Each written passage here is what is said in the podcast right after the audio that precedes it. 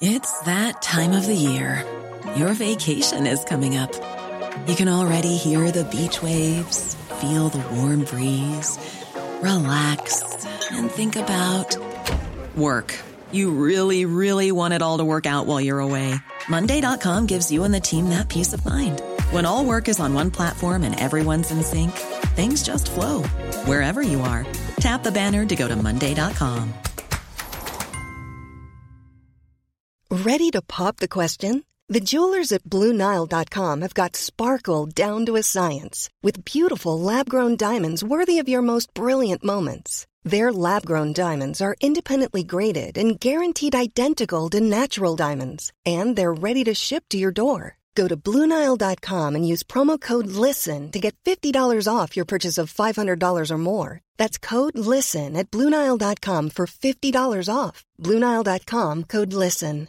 Quality sleep is essential. That's why the Sleep Number Smart Bed is designed for your ever evolving sleep needs. Need a bed that's firmer or softer on either side? Helps you sleep at a comfortable temperature? Sleep Number Smart Beds let you individualize your comfort so you sleep better together. JD Power ranks Sleep Number number 1 in customer satisfaction with mattresses purchased in-store. And now save 40% on the Sleep Number limited edition Smart Bed for a limited time. For JD Power 2023 award information, visit jdpower.com/awards. Only at Sleep Number stores or sleepnumber.com.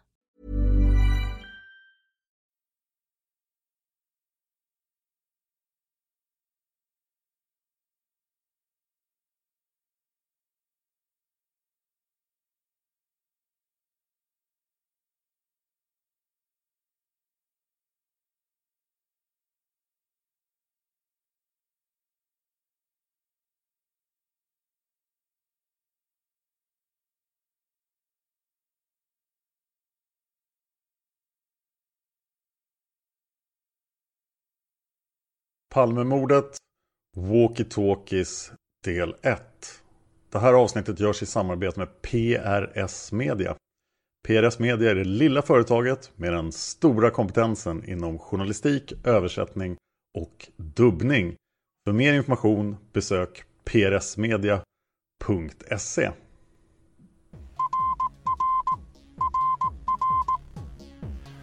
Sveriges statsminister Olof Palme är död. 90 000.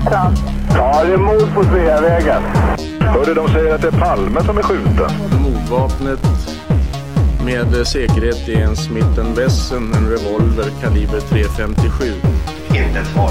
Finns inte ett svar. För jag har inget. Och jag har inte varit Varför skulle jag Polisen söker en man i 35 till 40-årsåldern med mörkt hår och lång mörk rock.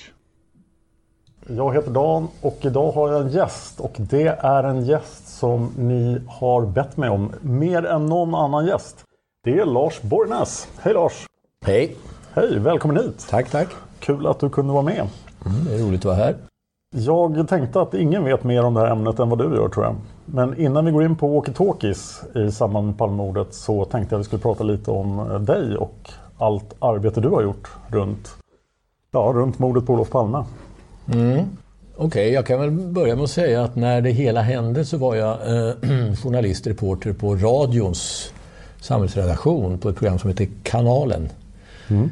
Som gick då i P1. Och eh, vid tillfället när mordet skedde i februari 86 då var jag faktiskt barn, pappaledig och eh, Eh, satt med stigande förvåning och hörde rapporterna om hur utredningen eh, förlöpte. Och när jag så småningom kom in i tjänst igen framåt efter sommaren så mm, började jag sätta igång och, och rota i utredningen eh, som journalist och grävande reporter, vilket var min uppgift där på programmet.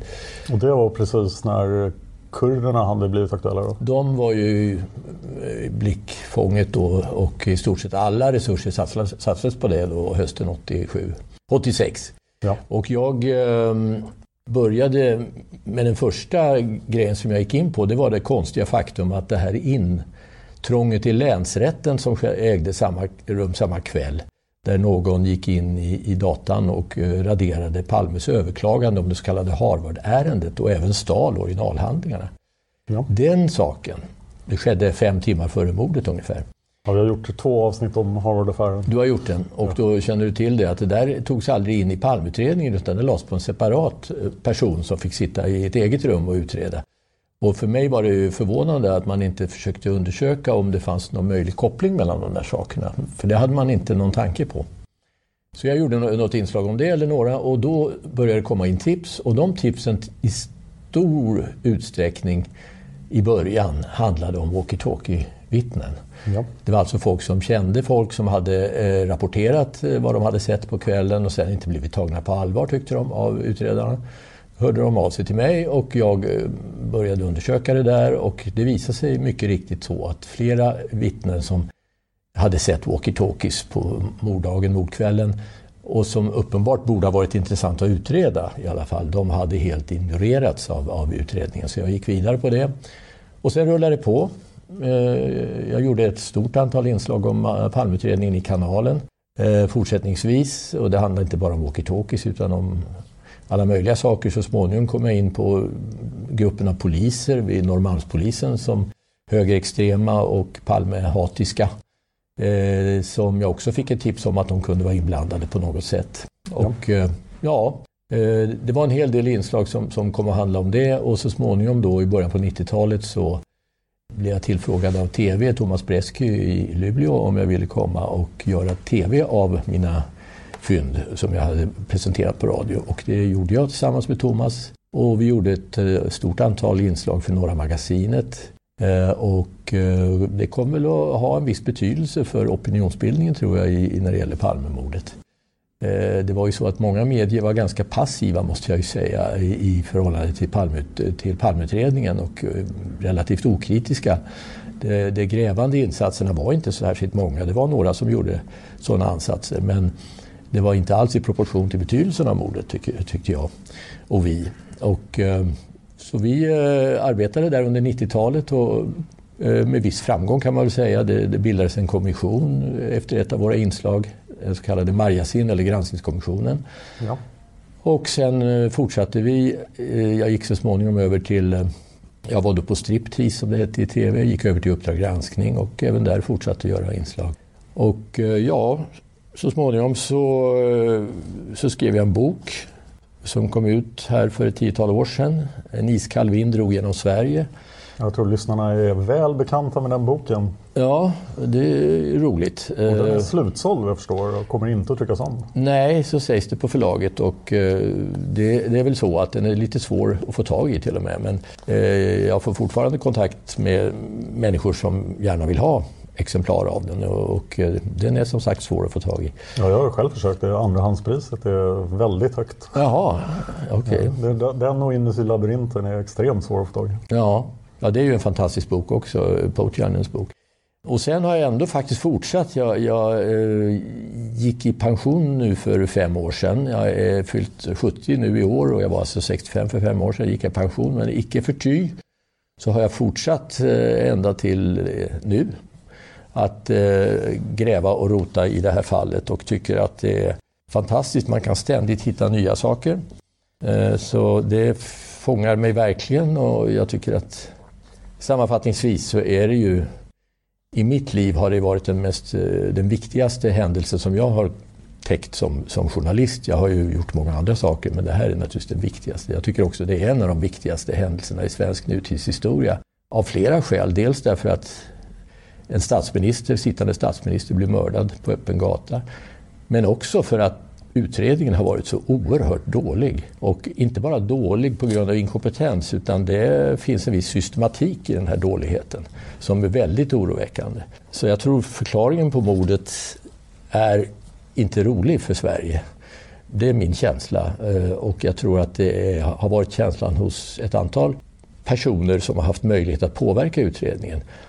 Och det kommer vi nog säkert prata om nu när det gäller walkie-talkies. Ja. Eh, därför att eh, många av dem har sopats under mattan, nästan allihopa, på ett sätt som man inte kan förklara med att det bara är allmän inkompetens eller eh, dumhet utan det, det finns som sagt en viss systematik i den här dumheten. Ja, ja eh, ska vi börja med mm. eh, Du har valt att gå igenom de här i kronologisk ordning från när observationerna görs. Ja, vi ska väl först säga något om vad walkie-talkies, varför ja. är det så viktigt? Alltså walkie-talkie är ju en kommunikationsradio som användes då både av privata personer och inom vissa myndigheter, eh, polis, Säpo, militära myndigheter eh, och eh, används till exempel vid spaning. Och det fanns också jägare använde dem och andra person, privatpersoner.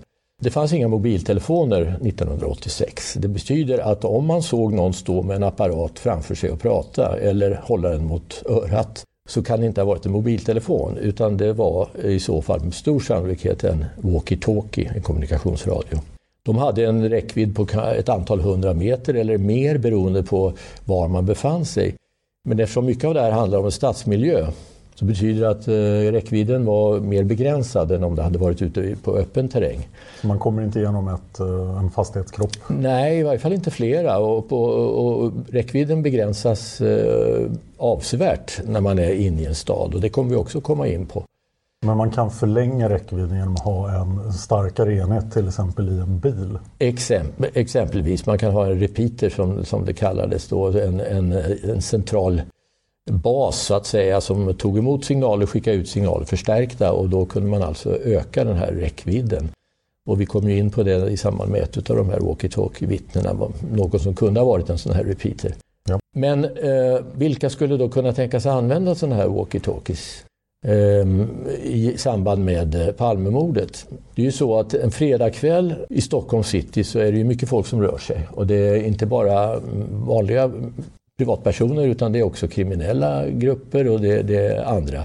Och det kan alltså finnas alla möjliga, skulle jag säga, eller många olika sammanhang där grupper har haft användning av walkie-talkies den här fredagskvällen. vet, vet man någonting om kriminellas användning av walkie-talkies på 80-talet? Jag vet, ing, jag vet, inte det, men jag vet ju att det förekom att eh, det är ju så att om man ska göra någonting mot en plats eller mot en person som är till exempel i rörelse, om man är flera inblandade som har ett visst avstånd från varandra, så är man tvungen att ha samband. Ja. Eh, annars har man ju ingen ordning, men man kan absolut inte överblicka någonting, man kan inte meddela eh, saker till varandra. Så att eh, någon form av kommunikation är ju nödvändig i en sån gruppaktion, så att säga, vare sig den är hygglig eller kriminell. Är det möjligt att det till exempel användes av eh, narkotikalangare och så för att varna varandra? Absolut, det är lika väl som narkotikapolisen använder det så, så kan ju eh, folk som sysslar med narkotikahandel ha, ha använt det.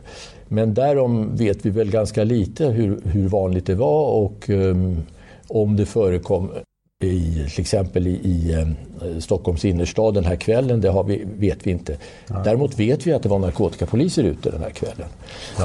Eh, och det kommer vi också tillbaka till. Därför att några av iakttagelserna eh, på tidiga kvällen skulle kunna kopplas till, till eh, narkotikapolisens så att säga, ordinarie spaning. How would you like to look five years younger? In a clinical study, people that had volume added with Juvederm Voluma XC in the cheeks perceived themselves as looking five years younger at six months after treatment. Look younger, feel like you. Add volume for lift and contour in the cheeks with Juvederm Voluma XC. Reverse signs of aging by adding volume to smooth laugh lines with Juvederm Volure XC. For important safety information and to find a licensed specialist, visit juvederm.com. That's J U V E D E R M.com. Not for people with severe allergic reactions, allergies to lidocaine, or the proteins used in Juvederm. Common side effects include injection site redness, swelling, pain, tenderness, firmness, lumps, bumps, bruising, discoloration, or itching. There's a risk of unintentional injection into a blood vessel, which can cause vision abnormalities, blindness, stroke, temporary scabs, or scarring. Talk to a licensed specialist to find out if it's right for you. Ready to pop the question? The jewelers at Bluenile.com have got sparkle down to a science with beautiful lab grown diamonds worthy of your most brilliant moments. Their lab grown diamonds are independently graded and guaranteed identical to natural diamonds, and they're ready to ship to your door. Go to Bluenile.com and use promo code LISTEN to get $50 off your purchase of $500 or more. That's code LISTEN at Bluenile.com for $50 off. Bluenile.com code LISTEN.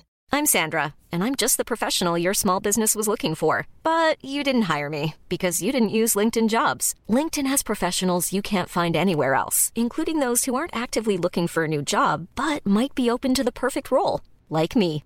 In a given month, over 70% of LinkedIn users don't visit other leading job sites. So if you're not looking on LinkedIn, you'll miss out on great candidates like Sandra. Start hiring professionals like a professional. Post your free job on linkedin.com/people today.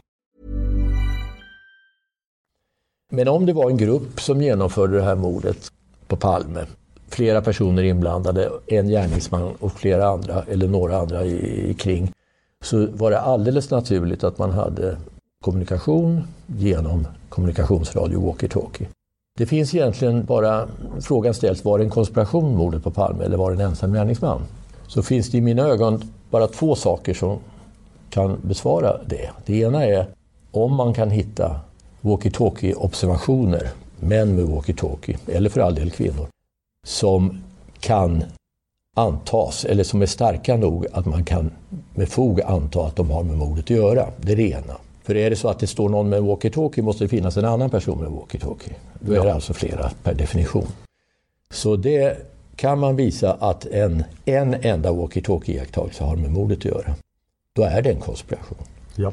Det andra som kan visa, antyda om det är en konspiration, det är attentatsmannens beteende på mordplatsen. Och det har inte talats så mycket om det, men, men det kan vi också komma in på så småningom. Det kan avslöja en del av karaktären på det här mordet. Men det kan vi ta senare. Spännande. Mm. En fråga. Eh, polisen, deras standardutrustning, de har någon form av walkie-talkie med sig? De har en kommunikationsradio ja. i, i bilen eller om det är eh, polis spanar ute så har de ju radioapparater och radioutrustning med sig också. Eh, under sin spaning givetvis, av samma skäl som, eh, som jag... Vet man hur den såg ut 86? För att jag upplever att många av de här walkie-talkie-observationerna är ganska stora walkie-talkies. Ja, alltså skildringen av hur de ser ut är ju väldigt... Det är ju en eh, bekymmer kan man säga med det här. De är olika. Ja. Någon beskriver om att de är, till exempel att den har en röd knapp i ändan av antennen. Andra beskriver inte alls så. En del säger att eh, antennen är ett spröt som sticker upp ur rocken medan andra menar att den sitter på själva antennen. Eh, några beskriver den som svart. Eh, någon säger att det är ljusa knappar på den och så vidare. Så att det är en, och då, då, kan man komma in på att det faktiskt kan vara olika grupper som har olika typer av radioutrustning. Eh, och, eh, eh och det är också en komplikation att om polisen vill se om de här iakttagelserna har med varandra att göra så måste man lägga just beskrivningarna intill varandra. Jag är inte tekniskt bevandrad så, så jag kan inte säga om, om, eh, om man har gjort det, eh, om man har lyckats lösa vilken typ av apparater det är. Det framgår inte heller av materialet. Ja. Men det är ju en sak som eh, polisen nu i sin, sitt nyfunna intresse för walkie-talkie-iakttagelser som de talade om förra året på 30-årsdagen, att de borde gjort en teknisk undersökning av, av de här eh, iakttagelserna. Där kan man väl också peka på att det finns ju felkällor i alla de här... Eh, alltså, vittnena som berättar om walkie-talkies, de kan ju för det första kan de se fel. Eh, de kanske inbillar sig mm, att, att någon står och pratar i, i, en apparat. Det kan också vara, naturligtvis kan det vara rena fantasier och påhitt också. Det, det är också en möjlighet. Men eh, eftersom det är så många tips så kan man inte utgå från, man kan inte ens tro att alla, eller ens de flesta, är vare sig påhitt eller ren inbildning. Eh, utan de allra flesta skulle jag vilja säga, eller många utav dem, och även flera utav de mest intressanta, där är det ingen tvekan, tycker jag, om att eh, det är en eh, radioapparat man har sett i handen på den personen. Det bör ju påpekas också att eh, på den här tiden så, idag är vi vana vid att se folk stå och prata med sig själva på stan. Mm. Men det var ju oerhört ovanligt här då i och med att mobiltelefonerna kom 87 så man, man reagerar ju direkt om någon stod och pratade med sig själv eller i en apparat. Mm. Så att, eh, och, och ta fel på det känns främmande. Jag, jag, kan inte påminna mig om att jag någonsin såg någon inne i Stockholms innerstad som pratade i walkie-talkie. Nej. Nej, det kan inte jag heller. Eh, Eh, Sen finns det ju en, en felkälla på det sättet att eh, man gick ut i början av mars, kring den 8, men det är lite oklart när, det dokumenteras inte. Då gick Palmeutredningen ut och efterlyste iakttagelser av walkie-talkie. Hur skedde den efterlysningen? För att man tycker om det stod i tidningen så borde det bevarats tills idag. Vi borde veta exakt när det hände. Ja, men enligt granskningskommissionen då som arbetade och studerade utredningen under 90-talets slut så finns det inte dokumenterat hur det där skedde. Det är oerhört märkligt. Väldigt konstigt. Man vet inte ens när det skedde, alltså vilket datum. Det man vet, säger man, det är att det var efter det så kallade Skelleftehamnsvittnet och det kommer vi till så småningom. Ja. Det var då man gick ut och efterlyste iakttagelser av walkie-talkies.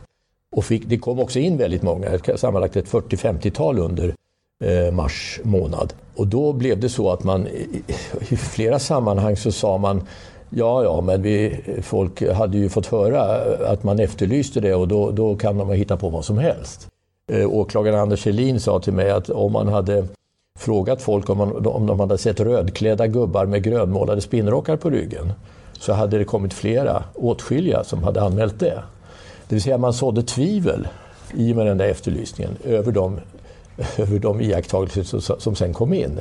Efter de iakttagelser man faktiskt hade frågat efter? Just precis. Eh, så att det där var ju en besynnerlig attityd till, till de Eh, jag skulle säga de vittnen som jag känner till i varje fall, det är ju vanliga människor, vanliga till synes helt hedliga människor som har gjort en observation och som har berättat så gott som de minns. Ja.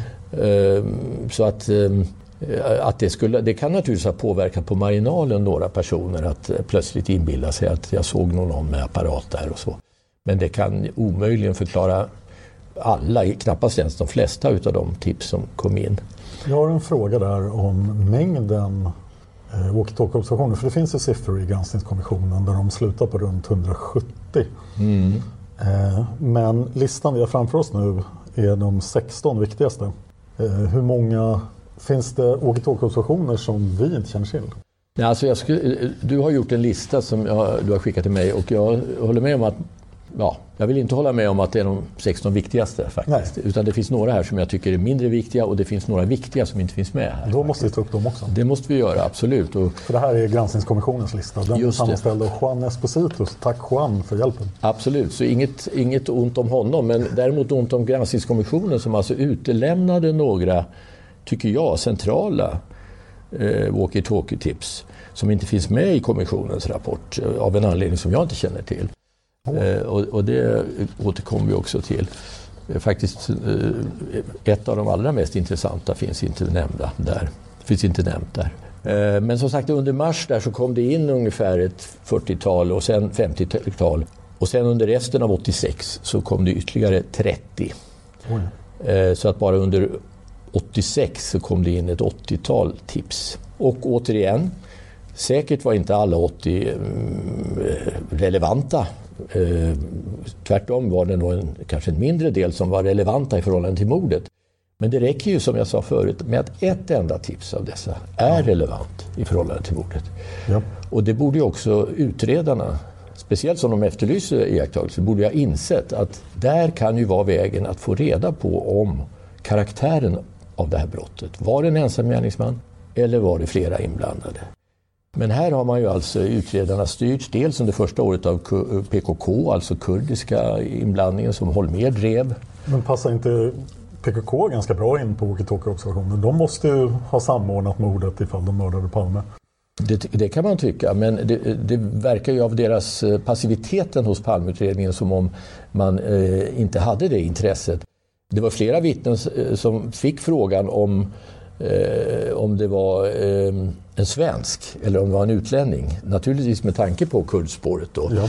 Och eh, det var ett par eh, av vittnena som har berättat för mig att de kände att man vill, när man sa att det var en svensk så blev intresset väldigt litet för, för det här tipset.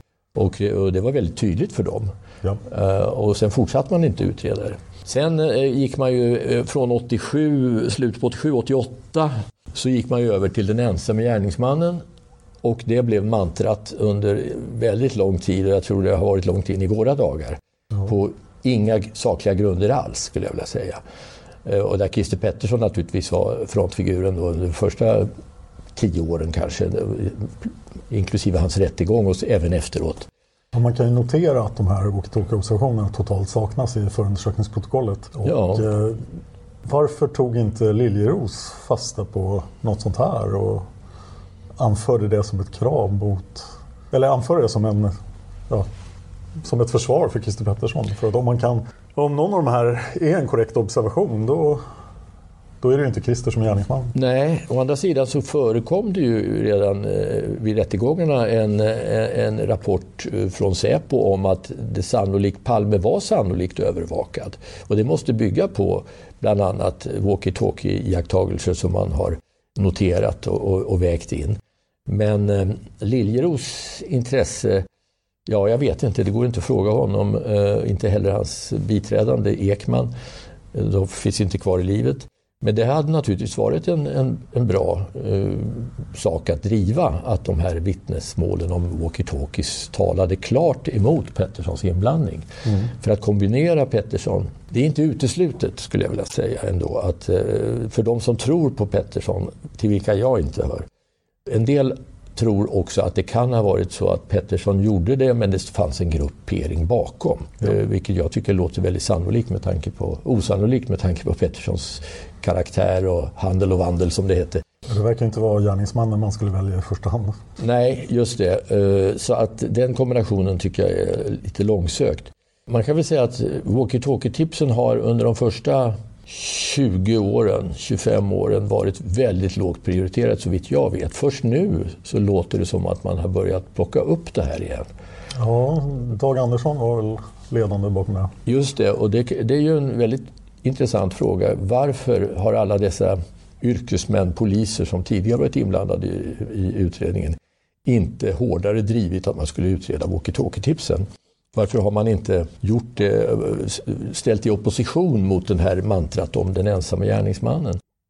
Ja, det måste ha att göra med den struktur som fanns i utredningen. Det är väldigt hierarkisk, väldigt, man lyder order, man får en körorder. Eh, man söker efter det, man söker efter PKK, man söker efter ensamma gärningsmän. Man ifrågasätter inte. Jag tror det har varit väldigt mycket styrt på det viset i den här utredningen, till förfång för, för, för utredningen. Ja, jag tycker det tydliga syns i gärningsmannaprofilens utläggning om walkie-talkies där allting avfärdas på ett bräde.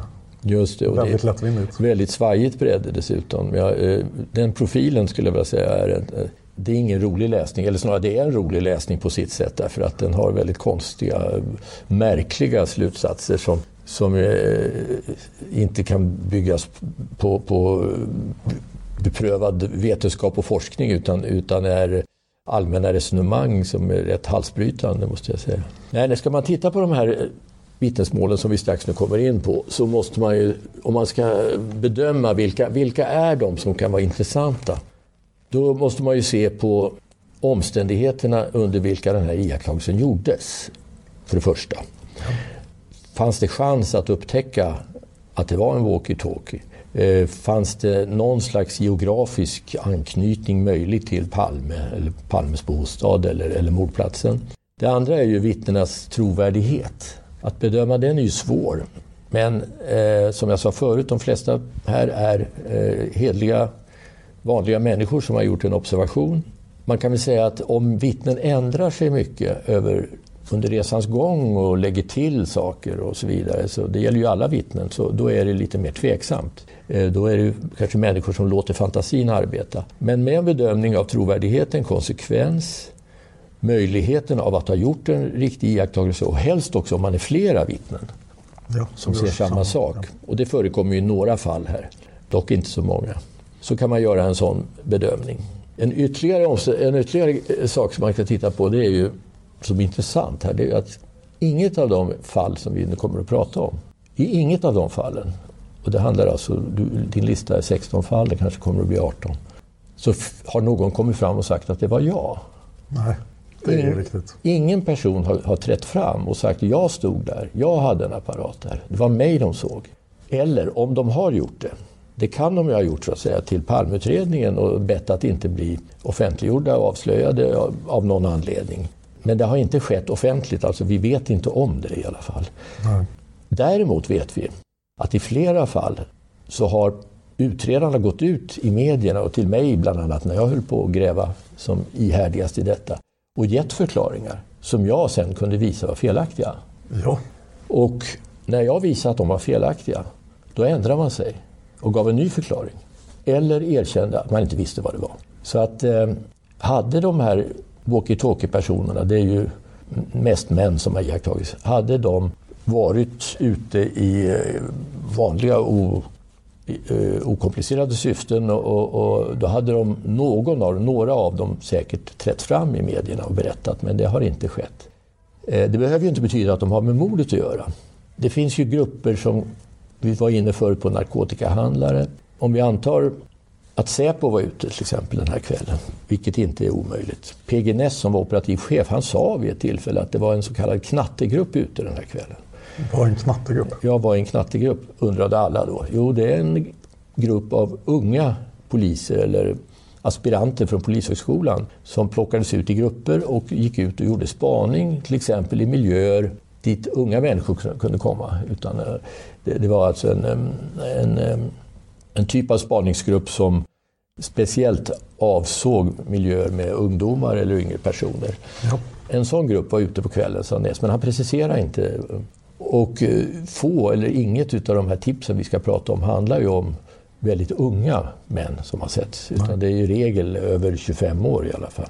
Men Säpo, om Säpo hade varit ute, eller om någon grupp inom Säpo var ute, för att, inte för att mörda Palme då kanske, utan för att till exempel spana på honom på distans eller spana på något helt annat, så är det inte säkert att de hade trätt fram efteråt och, och sagt att vi var där och där. Utan eh, det borde de ha gjort internt, men det är inte säkert. Likadant med militären. Det finns ju militära grupper som kan ha varit ute. Eh, vi har, det pratas om Stay Behind. Ja. Och Stay Behind är ju intressant. Det är ju en eh, med militär anknytning en grupp som bedrev spaning, det vet vi. Eh, och det har också förekommit uppgifter om att de var ute, det fanns en grupp inom Stay Behind-rörelsen ute på kvällen. De skulle inte gå ut i medierna och berätta om att de var ute heller. Men de behöver inte heller vara där av, på grund av Palme eller på grund av mordet. Så att det finns eh, den typen av... Eh, det fanns rykten om en kuppövning. Det är en annan möjlighet som är väldigt intressant. Det är att man eh, skulle öva på att eh, komma så nära statsministern och faktiskt döda statsministern i form av en övning för att se hur beredskapen var, hur, hur det fungerade det hela. Alltså en grupp då skulle spela mm, sovjetiska spetsnazsoldater eller spetsnazmän som skulle försöka komma så nära Palme att de kunde döda honom. Och så, eh, men som en ren övning då. Mm. Man hade gjort den typen av eh, övningar av an, av, på annat håll eh, faktiskt i närtid. På hösten 85 hade man gjort ett intrång på, på försvarets på staben där, ända in till överbefälhavarens rum, tjänsterum, hade en person då utklädd till städare eller vad det var lyckats tränga ända fram till överbefälhavaren genom alla vakter och så vidare. Som en övning för att se hur bra var skyddet. Under tiden satt ett par andra polismän utanför och som backup. Ja. Eh, så att sånt där har ju förekommit och det har ju talats om att det skulle kunna varit en sån övning den här kvällen riktad mot Palme och det är inte alls uteslutet att det det kan ha förekommit. Skulle man då ha sagt det efteråt från officiellt håll att det var en övning men det råkar gå på tok? Inte säkert. Nej, för då kan man ju ifrågasätta varför den övningen inte lyckades skydda Palme. Just det. Eh, det, det, det är inte självklart att en myndighet som har satt igång en sån övning skulle eh, avslöja det och därmed trots allt rikta misstankar mot sig själv plus att naturligtvis det skulle vara fruktansvärt slag för den myndigheten eh, i den allmänna opinionen. Så att eh, det är fortfarande en möjlighet att, att det förekommer en sån övning. När jag sa Säpo så finns det också så att Säpo använde grupper eh, av privatpersoner som hjälp för spaning. Eh, en del kallades för alfagrupper. Eh, det förekom både i Norge och Sverige att Säkerhetspolisen använde eh, sådana spaningsgrupper som sen försåg Säpo med information. Och de hade också kommunikation. Jag har själv talat med en person som var aktiv i en sådan spaningsgrupp. Är det grupper som Barbrogruppen? Ja, just det. Fast det här var inte då militär anknytning utan det var eh, privata personer men som var väldigt hängivna och som var beredda att ge sig ut med och, och spana på vissa objekt och, för Säpos räkning. Ja. Planning for your next trip? Elevate your travel style with Quince. Quince has all the jet-setting essentials you'll want for your next getaway, like European linen premium luggage options, buttery soft Italian leather bags, and so much more. And it's all priced at 50 to 80% less than similar brands. Plus, Quince only works with factories that use safe and ethical manufacturing practices. Pack your bags with high-quality essentials you'll be wearing for vacations to come with Quince. Go to quince.com slash trip for free shipping and 365-day returns. Hi, I'm Daniel, founder of Pretty Litter. Cats and cat owners deserve better than any old-fashioned litter. That's why I teamed up with scientists and veterinarians to create Pretty Litter. Its innovative crystal formula has superior odor control and weighs up to 80% less than clay litter. Pretty Litter even monitors health by changing colors to help detect early signs of potential illness. It's the world's smartest kitty litter. Go to prettylitter.com and use code ACAST for 20% off your first order and a free cat toy. Terms and conditions apply. See site for details. Normally, being a little extra might be a bit much, but not when it comes to healthcare. That's why United Healthcare's Health Protector Guard fixed indemnity insurance plans, underwritten by Golden Rule Insurance Company, supplement your primary plan so you manage out of pocket costs. Learn more at uh1.com. Så det finns en hel del möjligheter när det gäller vilka de här grupperna kan ha varit. Men är det någon av de här uppgifterna som man kan betrakta som säker utan allting är, allting är osäkert? Av walkie-talkie-iakttagelserna? Nej, av uh, uppgifter om att det fanns grupper ute med, med walkie-talkies på stan kvällen den 28 februari 86. Knattegruppen kom från PGNS. PGNS, ja. Och den här Stay Behind-gruppen har jag hört från flera håll. Så att det, det, den tror jag nog är, är, säker också. Det är väl den egentligen. Eh, det är väl de som som man kan säga är, som jag skulle säga är, är relativt säkra. Då undrar man om, om det här var någonting som hade gjorts andra kvällar tidigare, om de hade haft de här spaningarna på Palme. Och sen just en sån här kväll, om Palme inte hade gått ut på bio, hade de inte gjort någonting då? Eller hade de något sekundärt mål? Eller? Ja, det är ju ingenting som jag känner till utan eh, det är ju självklart det är möjligt att, att man hade gjort den här typen av aktivitet riktad mot Palme i så fall vid tidigare tillfällen. Eh, men det, det, det är svårt att säga. Det, Just det har inte kommit fram några walkie-talkie-vittnesmål som inte anknyter till mordet i närtid. Eller det finns liksom inga från januari Jo, det gör det. Ja, det finns, ja. Eh, jag har inte sett dem dock, men det finns alltså walkie-talkie långt eh, före som, men som inte har bedömts ha med mordet att göra för att det är alltför svag anknytning. Aha. Så att visst gör det det i den här stora gruppen av, av eh, inkomna walkie-talkie-iakttagelser finns också sådana som är väldigt perifera. Men eh, den lista som du har gjort här på 16 plus några till mm. skulle jag säga är möjliga att de har en eh, anknytning och några mer än andra. faktiskt. Ja. Men om du frågar mig om de är säkra så vill jag säga att jag, jag, ingen av dem är säker. Ja. Men det finns de som är eh, mera intressanta skulle jag vilja säga än, än, andra. Ja, ska vi gå in på listan? Mm. Då börjar vi med Jarl N. Just det. De första eh, iakttagelserna då, eh, som vi har med här det är två stycken som gjordes dagen före mordet i Gamla stan. Just det. Eh, eller snarare, det var 26 februari, det var två dagar före mordet. Och uh, ungefär vid samma tidpunkt på förmiddagen, 10, 10 till 11 ungefär. Jarl såg en man eh, som var på Västerlånggatan, här där vi faktiskt sitter nu. Ja, vi sitter på Västerlånggatan hos eh, Agge Kall som har lånat ut sin studio till oss. Så tack Agge Kall! Okej, okay. och just på denna gata såg Jarl en man som talade tyska. Han uppfattades som schweizertyska. Mellan 10 och 11 på förmiddagen såg han honom. Han var en lång man. Han stod ungefär 30 meter, eh, eller 50 meter norr om Palmes bostad på Västerlånggatan. Och eh, han var lite osäker på datumet. Han senare ändrade han det till att det kunde varit dagen därpå, alltså den 27 februari, dagen före mordet. Ja. Eh, sen såg han längre söderut i en gränd så sa han att han såg ytterligare en man som höll något mot örat. Men den här eh, första mannen pratade alltså enligt Jarl i en walkie-talkie och det var något som lät som tyska. Hans bror var med vid tillfället men, men han sa att han inte hade lagt märke till detta. Det är lite vag, tycker jag, eh, uppgift. Ehm, den är intressant möjligen med hänsyn till det här med schweizertyskan eftersom något liknande sa den här så kallade Skelleftehamnsmannen som stod omedelbart efter mordet, bara 50-100 meter ifrån mordplatsen, alltså dagen därpå och såg en man prata upprört i en eh, walkie-talkie och som också sa att det lät som schweizertyska. Ja. Eh, när jag hör schweizertyska funderar jag på osökt om det kan ha varit eh, afrikanskt. Mm. Finns det likheter där? Eller? Afrikans är ju afrikandernas språk i Sydafrika och det baseras ju på det är holländska som är så att säga ursprunget till, om man ser på ord och så vidare på eh, afrikanskt så liknar de ju inte så mycket tyska.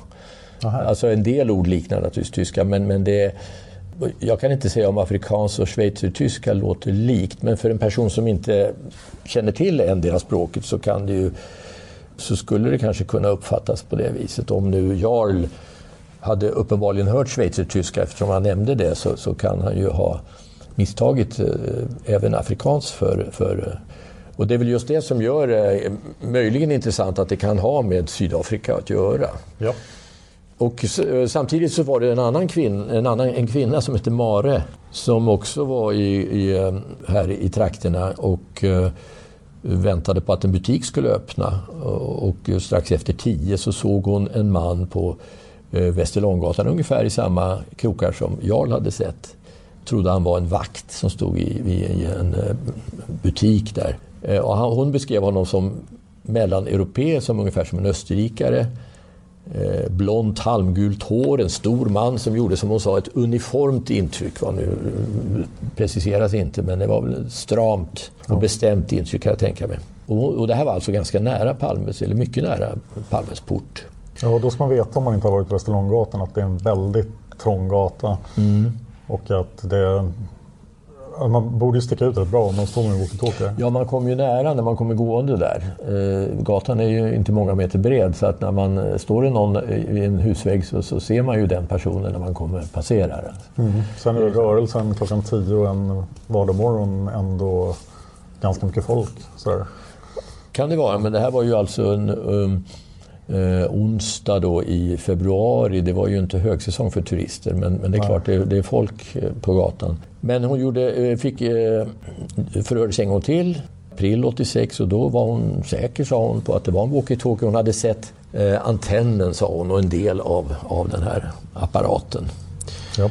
Men hon hörde inte någonting eh, det är hennes uttalande om att det var en tysk eller österrikare, det var, byggde nog mer på utseendet än på på språket.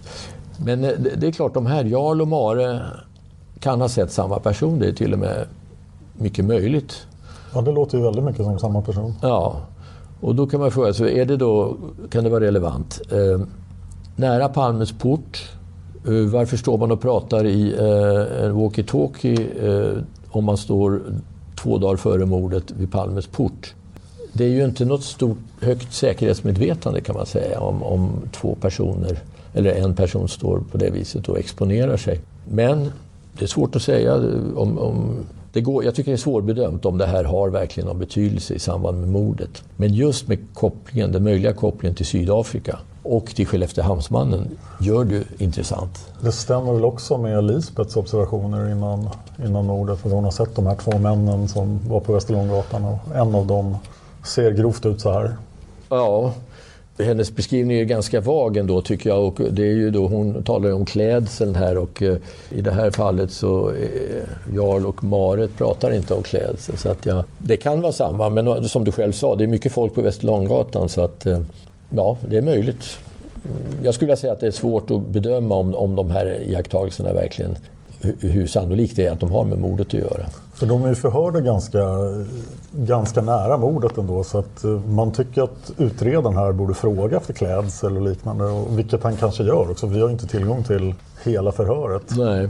Nej, visst. Eh, men det är ju en sån där sak som nu när man studerar de här iakttagelserna på allvar, om man, som man sa att man har gjort från Palmeutredningens sida, så lägger man ju sådana här bredvid varandra och försöker se vad det finns för likheter och olikheter, om det går att koppla dem. Mm. Um, och eh, tidsmässigt stämmer det ju med de två så att det är ju ingen Ja, tvekan om det. Ja. Så att eh, visst, det kan finnas visst intresse. Eh, och mer kan man nog inte säga om dem.